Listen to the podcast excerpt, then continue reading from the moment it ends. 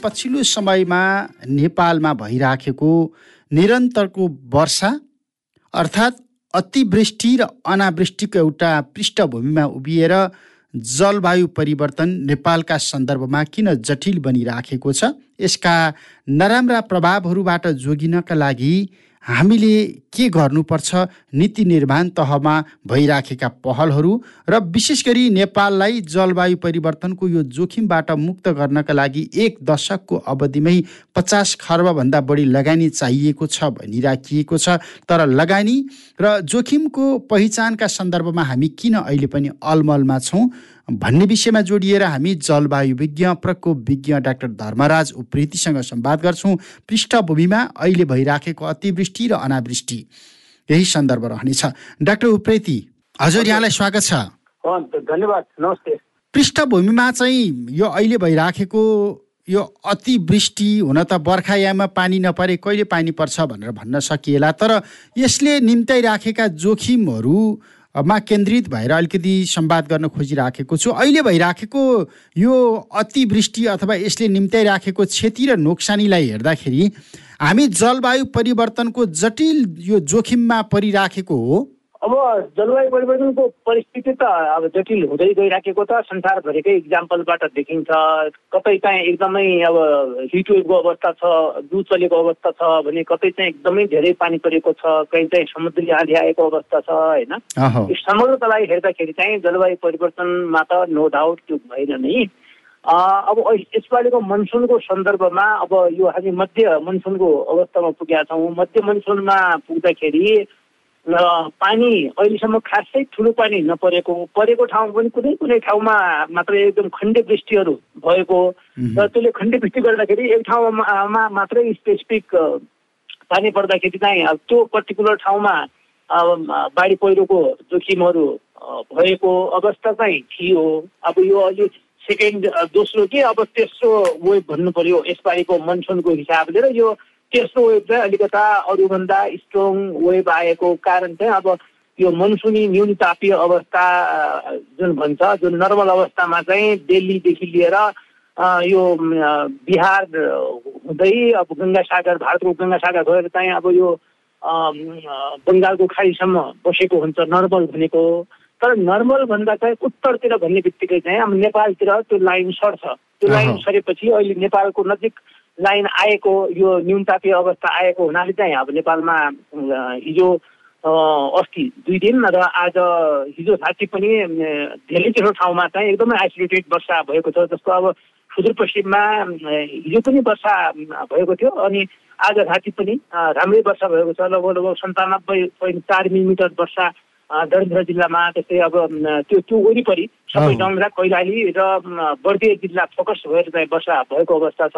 अनि त्यो ठाउँमा चाहिँ अब डुबानको अवस्था धेरै चाहिँ अब रोडहरू भत्केको अवस्था राजमार्ग नै चाहिँ अवरुद्ध भएको अवस्था यो छ। र समग्रतामा के हो भने मनसुनको जुन यो नेचर छ यो नेचरलाई चाहिँ अलिकता पहिले लामो समय पछिको जुन अवस्था छ समुद्रको सतहको तापक्रम त्यो समुद्रको सतहको तापक्रम चाहिँ औसतभन्दा अलिकता बढोत्तरतिर औषधभन्दा बढ्नेतिर गइराखेको र यो क्रम चाहिँ अबको चार पाँच महिना अझै बढ्ने अवस्था छ। त्यो भयो भनेपछि यो मनसुन चाहिँ अहिलेको जुन छ यो यो पानी पर्ने अवस्था त्यसलाई चाहिँ अहिले फेरि प्रभाव पार्छ पानी कम पर्न सक्छ। तर अहिले न्युट्रल न्युट्रल अवस्थामा रहेको हुनाले अब यसले चाहिँ पानी पार्ने र नपार्ने सम्भावनालाई चाहिँ दुवैतिर चाहिँ अब यसले उत्तिकै सम्भावना जनाउने हुनाले यो पानी पर्यो। तर अब सायद यो अगस्तको लास्टमा गएर या अब भनौँ न भदौमा या असोजमा जुन यो मनसुनको अन्त्यतिर जति बेला खेतीपाती पाक्ने अवस्थामा जति बेला पानी चाहिन्छ त्यो पानी नपर्दाखेरि चाहिँ त्यसले खडेरी ल्याउने र खडेरीले चाहिँ फेरि अब हाम्रो खाद्य सुरक्षामा नै अलिक सङ्कट ल्याउने अवस्था चाहिँ देखिन्छ। किन भन्दाखेरि हामी त्यो नेपालको मात्रै नभएर भारतले चाहिँ अब यसपालि खरिदी हुन्छ भनेर उखुको निर्यात पनि रोक्यो। र अलिक चामल पनि चाहिँ अब भारतबाट अन्य देशमा चामल रोकेको चामल रोकेको एउटै कारण हो यो जलवायु परिवर्तन। एलिनो भन्ने जुन अवस्था सिर्जना हुँदैछ यो प्रशान्त महासागरमा र हिन्द महासागरमा त्यसको प्रभावले गर्दाखेरि चाहिँ खडेरी हुने र खण्डवृष्टि कुनै कुनै ठाउँ भए पनि चाहिँ ठुलो पानी जुन हाम्रो कृषि प्रणालीलाई चाहिने पानी पर्याप्त नहुने र त्यो उत्पादन घट्ने उत्पादन घट्यो भने आफ्नै देशलाई खाद्य सुरक्षामा चुनौती हुन्छ भनेर उसले चाहिँ रोकेको अवस्था छ। भने यो समग्रतालाई हेर्ने हो भनेपछि अब यसले सङ्कट उन्मुख होइन अब अलिकति अप्ठ्यारो पार राखेको हाम्रो विभिन्न जीविकोपार्जनमादेखि लिएर हाम्रो इकोनोमीमा पनि यसको चाहिँ ठुलो प्रभाव परेको अवस्था चाहिँ छ। अहिले यो जस्तो तपाईँले मध्य वर्ष भन्नुभयो मध्य वर्ष हुँदाखेरिसम्म तराई मधेसको जमिनमा चाहिँ भूगोलमा चाहिँ त्यति धेरै पानी परेन। अहिले हामी धानै रोप्न पाइएन भन्ने खालका समाचारहरू देखिराखेका छौँ। एक्कासी अहिले सुरु भएको यो मनसुन चाहिँ कहिले समयसम्म रहन्छ? अब मनसुन झर्ने अवस्था भने त तपाईँको असोजको चौध पन्ध्रसम्मको अवस्था हो मनसुनको होइन? मनसुन झर्ने अवस्था त अझै छ हामी मध्यमा छौँ। तर तपाईँले भनेको चाहिँ कतिपय तराईको जिल्लाहरूमा चाहिँ पानी परेन। यसपालिको यो वर्षाको नेचर नै एकदमै अनौठो खालको देखिएको छ। जस्तो तराईको सिरा जिल्लामा लामो समयदेखि पानी नै परेको छैन। यसपालि चाहिँ अब हिजो अस्ति पानी पर्यो। भनेपछि अरू जिल्लाहरूमा पनि अब यही छिमेकी जिल्लामा धेरै राम्रो पानी परेको छ त्यहीनिर चाहिँ अर्को जिल्लामा चाहिँ पानी नपरेको अवस्था। यो आइसोलेटेड जुन नेचर छ त्यो भनेको अब मनसुन आफैमा कमजोर भयो भनेपछि त्यसले जति बाईलाई धकेल्नु पर्ने हो र बाईको प्रेसर जसरी चाहिँ बनाउनु पर्ने हो पानी पार्नको लागि त्यो नभएको अवस्थाले त्यो सिर्जना भएको हो। किन भन्दाखेरि मैले भने एलिनो अहिले न्युट्रल दुईवटा सिस्टम न्युट्रल छ। एउटा चाहिँ इन्डियन ओसियन डाइपोल भन्छ यो हिन्द महासागरको जुन प्रेसरको अवस्था छ। त्यो पनि आइओडी न्युट्रल भएको र अनि समुद्रको सतौको तापक्रम पनि प्रशान्त महासागरदेखि चाहिँ हिन्द महासागरसम्मको अवस्थामा पनि न्युट्रल भएको अवस्थाले चाहिँ यस्तो खालको यो कहिले पानी पर्ने कहिले पानी नपर्ने भनौँ न न्युट्रलको काम के हुन्छ हो त्यसो त्यसो टाइपको अवस्था भइराखेको छ। तर अब खतराको घन्टी के हो भने सायद यो पानी अब घट्यो र घट्दै गयो भनेपछि त्यसले चाहिँ अर्को खतरा ल्याउन सक्छ। हजुर। अब जस्तो तपाईँ भनिराख्नु भएको छ हिन्द महासागर अथवा सागरमा पनि औषध तापक्रम बढिराखेको छ। हामी भनिराखेका छौँ हाम्रो औषध तापक्रम शून्य दशमलव शून्य पाँच छ सेल्सियससम्म बढिराखेको अवस्था छ विशेष गरी हिमालय क्षेत्रमा भनेका छौँ। यो जोखिमलाई हामीले चाहिँ कतिको विश्लेषण गरेका छौँ र भारतले विश्लेषण गर्यो खाद्य सम्भावित खाद्य सङ्कट टार्नका लागि त्यो खालको नीति लियो भनेर भन्दै गर्दा हामी चाहिँ विश्लेषण गरिराखेका छौँ कि छैनौँ? हामी सतर्क छौँ कि छैनौँ? अब मैले पनि सतर्क छौँ छैन भन्ने भन्दा पनि मैले जस्तो इन्डियाको समाचार तपाईँले पनि सुन्नुभयो मैले पनि सुनेँ अब सबैले सुन्यो। तर नेपालले चाहिँ यो यो मेजर लिएको छ भन्ने समाचार मैले नसुनेको हुनाले। सायद अब समाचार नभनेको पनि अवस्था हुनसक्छ होइन? केही भित्रभित्र गरिराखेको पनि अवस्था हुनसक्छ तर गरेको सन्दर्भ बाहिर आएको छैन बाहिर नआएको हुनाले चाहिँ सायद अब भएको होइन कि या यतातिर चासो दिएको होइन कि भन्ने देखिएको छ। त्यो हुनाले चाहिँ नेपाल सरकारले यो एलमिनोको कन्डिसनलाई चाहिँ एडजस्ट गर्नको लागि जल तथा मौसम विज्ञानले विभागले यसपालि कम पानी पर्छ भनेर प्रक्षेपण गरेको विषयलाई त्यो विज्ञानलाई विश्लेषण गरेर अब कृषि मन्त्रालयले गर्नुपर्ने कामहरू जस्तो खाद्य सुरक्षामा चाहिँ सबभन्दा ठुलो भूमिका कृषि मन्त्रालयको हुन्छ भने कृषि मन्त्रालयले भित्रभित्र जे गरिराखेको छ यो यो कुरालाई एडजस्ट गर्न त्यो कुरा बाहिर ल्याइदियो भनेपछि राम्रो हुन्थ्यो भन्ने हो मेरो। अब यो खाद्य सङ्कटसँग मात्रै जोडिएन होला नि। हाम्रो जस्तो मुलुकको लागि त पूर्वाधार विकाससँग पनि त्यही अनुसारको विश्लेषण गर्नु पर्ला ऊर्जा क्षेत्रमा भइराखेको लगानीको जोखिम अनि सम्भावित ऊर्जा सङ्कटको विषय पनि विश्लेषण गर्नु पर्ला जनजीवनसँग जोडिएका सवालहरू त छँदैछन्। यी सबै सन्दर्भमा चाहिँ कुन चाहिँ पाटोमा हामीले काम गऱ्यौँ र? हो एक्ज्याक्टली मैले त्यही भनेको मैले एउटा इक्जाम्पल कृषि मन्त्रालयको भने अब एकदमै हाम्रो कृषि जीविकोपार्जनसँग जोडिएको हुनाले त तपाईँको एकदम ठिक हो। जलवायु परिवर्तनको चाहिँ आठवटा जुन एकदम एरिया नेपाल सरकारले जलवायु नीति दुई हजार उन्नाइस ल्याउँदाखेरि तपाईँले भनेकै भौतिक संरचनाको क्षेत्र भयो ऊर्जाको क्षेत्र भयो कृषिको क्षेत्र भयो वन्द वनस्पतिको क्षेत्र भयो जलाधारको क्षेत्र भयो यी सबैमा यसको प्रभाव पर्छ। र सबैमा पर्ने प्रभावले चाहिँ हाम्रो जडीबुटी हाम्रो वनस्पति यसमा पर्ने प्रभावको चाहिँ विश्लेषण गरेर मेरो देशमा यस्तो खालको हुँदैछ। अहिले चाहिँ हामीले बाहिर एक्सपोर्ट गर्ने कुराहरूलाई चाहिँ आफ्नो देशमुखको उत्पादनलाई चाहिँ रोकेको हो कि होइन? खाद्य सुरक्षामा हामीले ध्यान दिने हो कि? यो समग्रताको चाहिँ विश्लेषण बाहिर नआएको हुनाले भित्रैभित्र भइराखेको र बाहिर नआएको पनि हुनसक्छ तर मैले सुनेको छैन। अब यो बिचमा दुई हजार तिससम्मको एउटा सम्भावित जोखिमको विश्लेषण र प्रक्षेपण गरिराखिएको छ नि यो आधिकारिक हो अथवा होइन यो लामो समय यही क्षेत्रमा यहाँले काम गरिराख्नु भएको छ। हामीले सन् दुई हजारसम्मको सम्भावित जोखिम न्यूनीकरण गर्नका लागि कम्तीमा पनि पचास अर्ब डलर लगानी चाहिन्छ भनिराखेका छौँ। यो विपद कोष हामीसँग छ कि छैन अथवा यसका लागि हामीले कतै हार गुहार गरिराखेका छौँ कि छैनौँ यो हामीले माथि देखाइराखेको सम्भावित जोखिम न्यूनीकरणका लागि आवश्यक पर्छ भनिएको पैसा होला नि यो त। तपाईँले पनि एकदम ठिक हो यो खास गरेर नेपालले जे नीति बनाएको छ जलवायु नीति र अलिकता यो लामो पचास यो तिस वर्षको योजना राष्ट्रिय अनुकूलन योजना बनाएको छ। त्यसमा लगभग लगभग सत्तालिस अडचालिस बिलियन अमेरिकी डलर बराबरको चाहिँ लगानी आवश्यक छ भनेर चाहिँ भनेको अवस्था र त्यसको लागि चाहिँ अन्तर्राष्ट्रिय स्तरमा अब यो युएनको नेगोसिएसनको माध्यमबाट पनि नेपालमा जलवायु को असर कम गर्नको लागि चाहिँ इन्भेस्टमेन्ट चाहिन्छ। यो इन्भेस्टमेन्ट चाहिँ अब धनी देशहरूले गरिब देशलाई दिनुपर्छ भन्ने हिसाबले गरिराखेको पैरवी छँदैछ। अब त्यो पैरवीले मात्रै चाहिँ समग्रता या अन्तर्राष्ट्रिय वित्त अन्तर्राष्ट्रिय रूपमा पाइने जुन नेपालले पाउने जुन आधिकारिक रूपमा पाउने र जलवायु परिवर्तनको असरलाई चाहिँ न्यूनीकरण गर्नको लागि चाहिँ पाउने वित्त चाहिँ पर्याप्त छैन। एकदमै थोरै मात्रै परिचालन भएको त्यो परिचालन भएको पनि अब धेरै जसो हाम्रो एनालाइसिसमा चाहिँ केन्द्रमा खास गरी फेडरल गभर्मेन्टमा ठुलो रकम चाहिँ अलोकेसन भएको र त्यो चाहिँ तल स्थानीय सरकार र प्रदेश सरकारको माध्यमबाट चाहिँ अझै पनि नभएको र प्रदेश सरकार र स्थानीय सरकारले खर्च कुनै जलवायुको एक्टिभिटीमा छुट्यायो भने पनि त्यो पैसा कस्तो हुँदो रहेछ भने आर्थिक वर्षको अन्तमा जुनसुकै शीर्षकमा पनि सार्न मिल्ने खालको हुने हुनाले पहिला चाहिँ पैसा राख्दाखेरि जलवायु परिवर्तनको शीर्षकमा पैसा राख्ने। तर आर्थिक वर्षको अन्तमा चाहिँ त्यहाँ खर्च एक पैसा पनि नहुने र अर्को शीर्षक जहाँ सजिलो शीर्षक छ त्यसमा चाहिँ स्थानान्तरण गरेर जुन बजेटको ट्रान्सफर हुन्छ त्यो गरेर चाहिँ खर्च गर्ने गरेको हामीले धेरैवटा इभिडेन्सहरू पाएका छौँ। अब त्यसले हेर्दाखेरि चाहिँ हाम्रो लेभल अफ अन्डरस्ट्यान्डिङ हामीले के बुझेका छौँ यो जलवायु परिवर्तन यसको असर कसरी गइरहेको छ भने कसरी चाहिँ आकलन गरेका छौँ भन्नेतिर चाहिँ अब ध्यान कसैको पनि गएको देखिँदैन। र विपद भन्ने बित्तिकै चाहिँ अब विपद गइसकेपछि भनौँ न अब राहत बाँड्ने हो। राहत बाँड्नु भनेको नि विपद हो र विपदलाई अझै पनि भनौँ न अहिलेको चाहिँ एकदम प्रगतिशील प्रधानज्यू आसिन भएको अवस्थामा विपदको जुन कोषको नामै चाहिँ दैवी उद्धार प्रकोप कोष छ अहिलेको अहिलेको अवस्थामा आजको मितिमा पनि भनेपछि अब योभन्दा अब अर्को अवस्था के भन्ने यसको कति विश्लेषण गर्ने?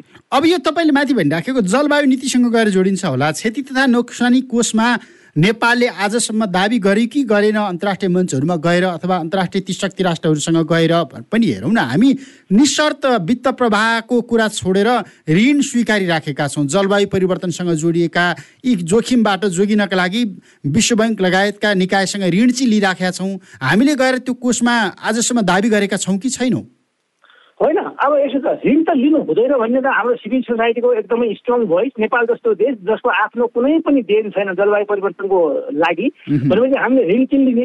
हामीले ऋण लिनु हुँदैन भनेर त हामीले बारम्बार उठाइरहेको विषय हो। तर तपाईँले भने जस्तो अन्तर्राष्ट्रिय उसमा प्रत्येक वर्ष हुने जलवायु जुन सम्मेलन छ त्यो सम्मेलनको माध्यमबाट अब जलवायु वित्त नेपालमा ल्याउनुपर्छ जस्तो ग्रिन क्लाइमेट फन्डको कुरा छ। ग्रिन क्लाइमेट फन्डलाई चाहिँ अलिकति कसरी एक्सेसिबल बनाउने कसरी चाहिँ त्यो पैसालाई चाहिँ त्यहाँ पैसा छुटिएको छ कोरियाको जलवायुको केन्द्रीय कार्यालयमा त्यो पैसा चाहिँ नेपालसम्म या नेपाल जस्तै चाहिँ अरू राष्ट्रहरूमा प्रचालन गर्नको लागि चाहिँ एउटा सजिलो उपाय या सजिलो तरिका सजिलो प्रोसेस बनाउनुपर्छ भनेर चाहिँ एडभोकेसी अब नेपालले पनि गरिराखेको छ अरू देशले पनि गरिराखेको छ जी सेभेन्टी सेभेन र चाइनाको जुन अलायन्स छ नेगोसिएसनमा त्यसबाट पनि गरिराखेको अवस्था छ।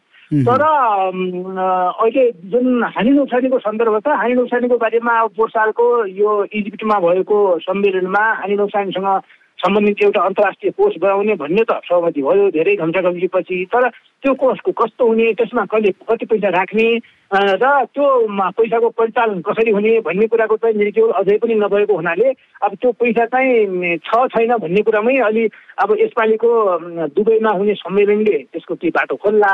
तर आजको मितिसम्म भन्दाखेरि चाहिँ अब हानि नोक्सानीको विषय भनेको हानि पनि भइराखेको छ नोक्सानी पनि भइराखेको छ त्यसको चाहिँ कम्पेन्सेसन दिने कहिले दिने भन्ने सन्दर्भमा चाहिँ स्पष्टता भएको छैन।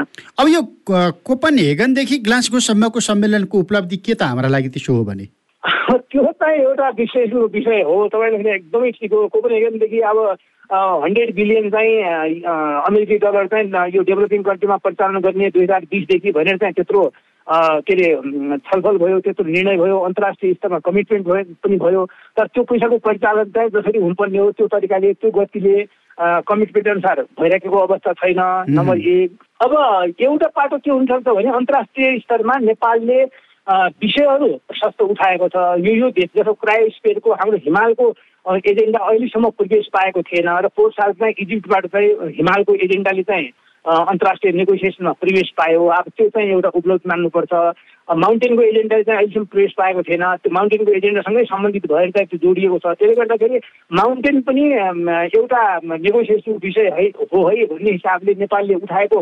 त्यो चाहिँ अन्तर्राष्ट्रिय लेभलमा गएको छ भनेपछि अब विभिन्न नेपालले भोगिराखेको समस्या र जलवायु परिवर्तनको कारणले गर्दाखेरि नेपालको होल इकोनोमीमा पार्ने प्रभावको सन्दर्भ चाहिँ अन्तर्राष्ट्रिय कुरा उठ्यो। र कतिपय चाहिँ अब भनौँ न अन्तर्राष्ट्रिय लेभलमा जाँदाखेरि भएको क्षमता वृद्धि त्यहाँको नलेज सिस्टम हो क्लाइमेटको हिसाबले हाम्रो चाहिँ जलवायु नीतिहरू जसरी हामी त्यहाँ अलिकता दुई हजार उन्नाइसमा आउँदा दुई हजार एघारको नीति कस्तो थियो उन्नाइसमा आउँदाखेरि अलिकता कम्प्रिहेन्सिभ भएको अवस्था छ। भने केही नलेज सिस्टम बनेको छ।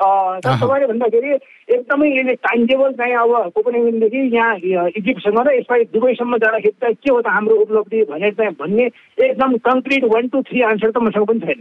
अब यो त्यसो भन्दै गर्दा हामीले कालापत्थरमा गएर पनि यो जलवायु परिवर्तन सम्बन्धी सम्मेलन गऱ्यौँ। सगरमाथाको ढुङ्गा लिएर जम्बो टोली कोपनहेगनसम्म पनि गएको हो त्यो पृष्ठभूमिदेखि आजका दिनसम्मको उपलब्धि भनेर मैले खोज्दै गर्दाखेरि त्यसो हो भने हामीले उपलब्धि भनेको हाम्रा बिस एक्काइसवटा हिमतालहरू चाहिँ कुनै पनि बेला फुट्न सक्छन्। तल्लो तटीय क्षेत्रका मानिसहरू जोखिममा छन्। त्यो बेसिन क्षेत्रका मानिसहरूलाई अथवा त्यहाँका ठुला योजनाहरूको सुरक्षाका लागि चाहिँ हामीलाई यति पैसा चाहिन्छ।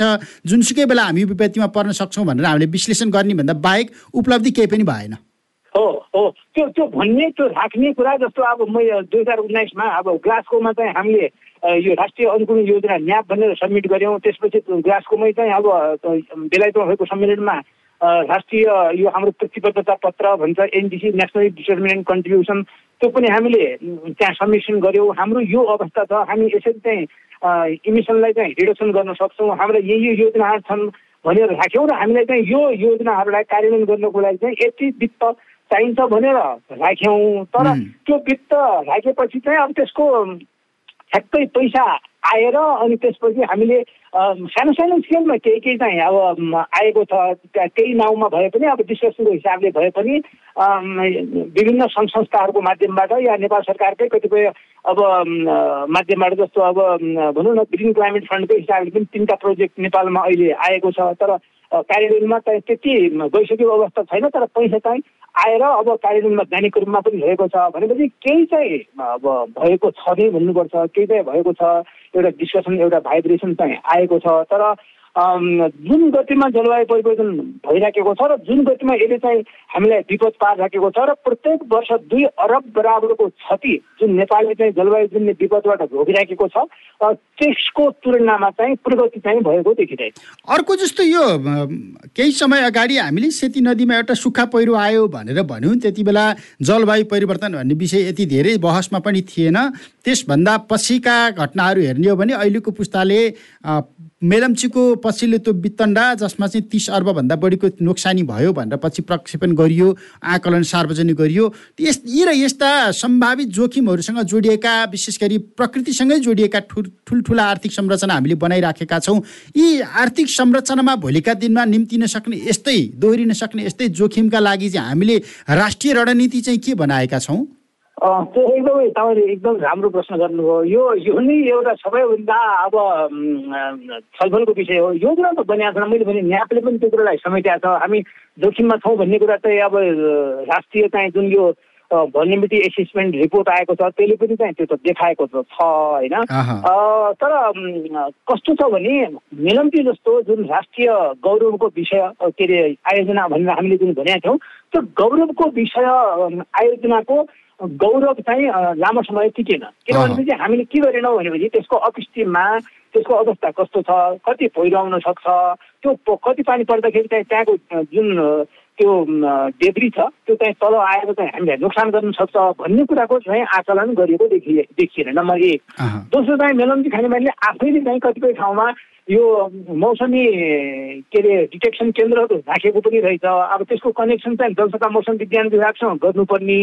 किन भन्दाखेरि त्यो सिस्टम त नेसनल ग्रिडमा गएपछि पो सबैतिर चाहिँ इन्फर्मेसन जान्छ।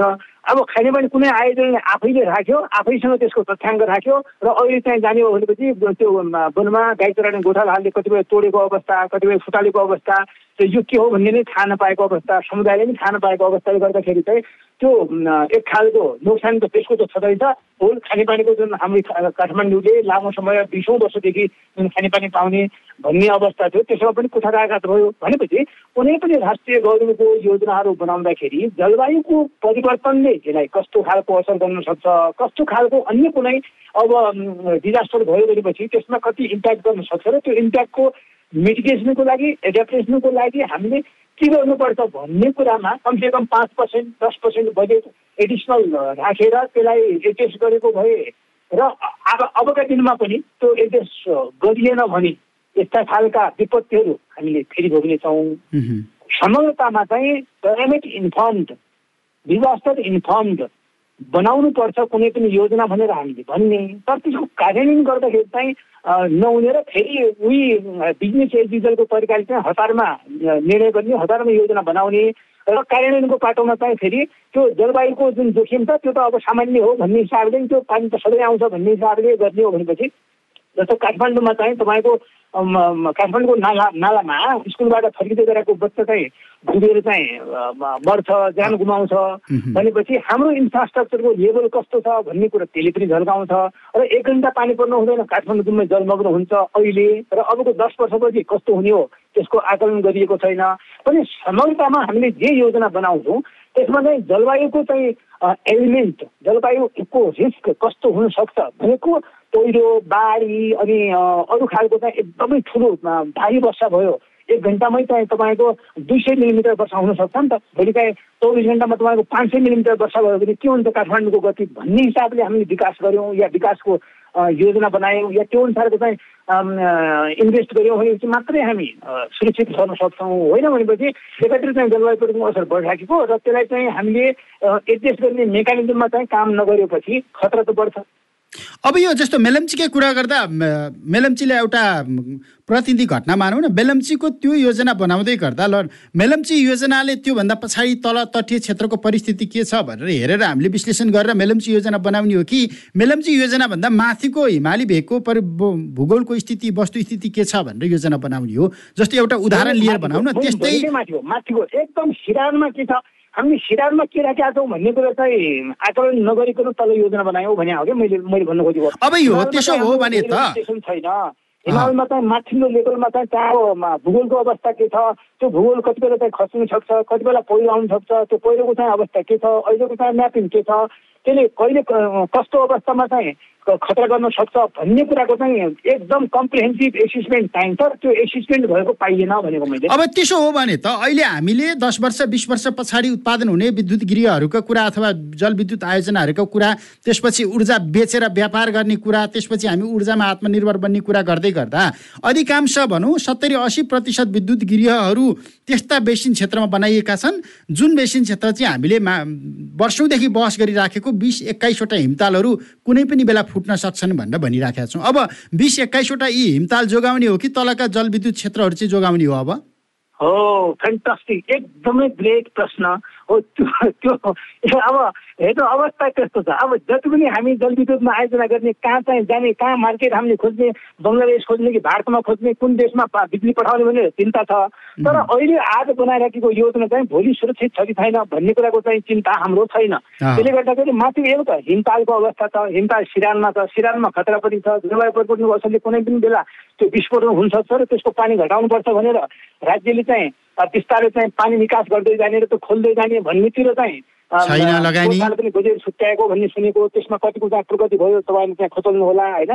तर तल चाहिँ फेरि हामीले इन्भेस्टमेन्ट चाहिँ त्यो कति त्यो ताल छुट्यो भनेपछि त्यसले हाम्रो होल इन्फ्रास्ट्रक्चरलाई चाहिँ खतरा गर्न सक्छ। यसपालि हामीले प्रदेश कोशी प्रदेशमा चाहिँ देख्यौँ कतिवटा जलविद्युतको आयोजनाहरू चाहिँ ओभर द नाइट सबै चाहिँ ध्वस्त भए भने यति अरब बराबरको क्षति भयो भनेर हामीले गौरवको साथ भन्ने कुरा मलाई चाहिँ दुःख लाग्छ। तर कतिपय चाहिँ अब एकदम जिम्मेदार भनौँ न निकायमा बसेकाले पनि अब यसपालि हाम्रो यति क्षति भयो। भनेर ट्विट गरेको मेसेज गरेको बाहिर भनेको कुरा चाहिँ अब ल्याउनु त पऱ्यो इन्फर्मेसन त। त्यो त गौरवको विषय चाहिँ भएन क्या। त्यसलाई रोक्नु पऱ्यो। त्यस्तो खालको क्षति चाहिँ रोक्न सकेपछि मात्रै हामी बिजुली इन्डिया पनि बेचौँला बङ्गलादेश पनि बेचौँला काहीँ काहीँ पनि बेचौँला। तर अहिले गरेको इन्भेस्टमेन्ट हाम्रो पचास वर्ष टिक्छ कि टिक्दैन भन्ने कुराको चिन्ता पनि गर्नु पर्यो भन्ने अब लगभग समय सकिएको छ विषयहरू धेरै थिए। अन्त्यमा यी सबै प्रकोप अथवा यो बर्खायाममा मात्रै हामी अथवा कुनै एउटा ठुलो विपत्ति पर्दाखेरि मात्रै बहस गरिराखेका हुन्छौँ। तर यी प्रकोपजन्य घटनाहरू बढ्नुको कारण के हुनसक्छ? एउटा भूकम्पलाई दोष देखाइराखेका छौँ अर्को हामी जलवायु परिवर्तन हो कि भनेर पनि दोष देखाइराखेका छौँ अर्को मानवीय त्रुटि हो कि भनेर पनि आशंका गरिराखिएको छ। यी तिनवटा पक्ष सबैभन्दा बढी अहम भूमिका कुनले खेलिराखेको छ यी सम्भावित जोखिमका सन्दर्भमा? मैले मानवीय त्रुटि बढी भन्छु। एन्थ्रोपोजेनिक जति पनि हामीले काम गरिरहेका छौँ रोड बनाउँदाखेरि चाहिँ हामीले त्यो त्यो क्षेत्रमा कस्तो वातावरणीय प्रभाव पर्छ भनेर बनाएको देखिँदैन। नम्बर एक इन्फ्रास्ट्रक्चर बनाउँदाखेरि चाहिँ यसले वातावरण प्रभाव कस्तो पर्छ भनेर बनाएको देखिँदैन। हाम्रो खोलाकै निकास हुनु काठमाडौँको खोलाको उदाहरण बाहिर कहीँ पनि जानु पर्दैन रोड कोरिडोर हामी बनाउँदैछौँ। खोलाको वे कति छोडेको छौँ भन्ने कुरा त्यो त जलवायु परिवर्तन होइन भोलि जलवायु परिवर्तन त बाहिर ल्याउँछ पहिलो ल्याउँछ त्यो त एक खालको छँदैछ त्यसले ल्याउने हो त्यसलाई टेस्ट गर्ने बाटो एउटा भयो तर त्यसलाई चाहिँ हामीले आकलनै नगरिकन हाम्रो इन्फ्रास्ट्रक्चरहरू हामीले बनाइराखेका छौँ भनेपछि त्यो त मानव सृजित हो नि त।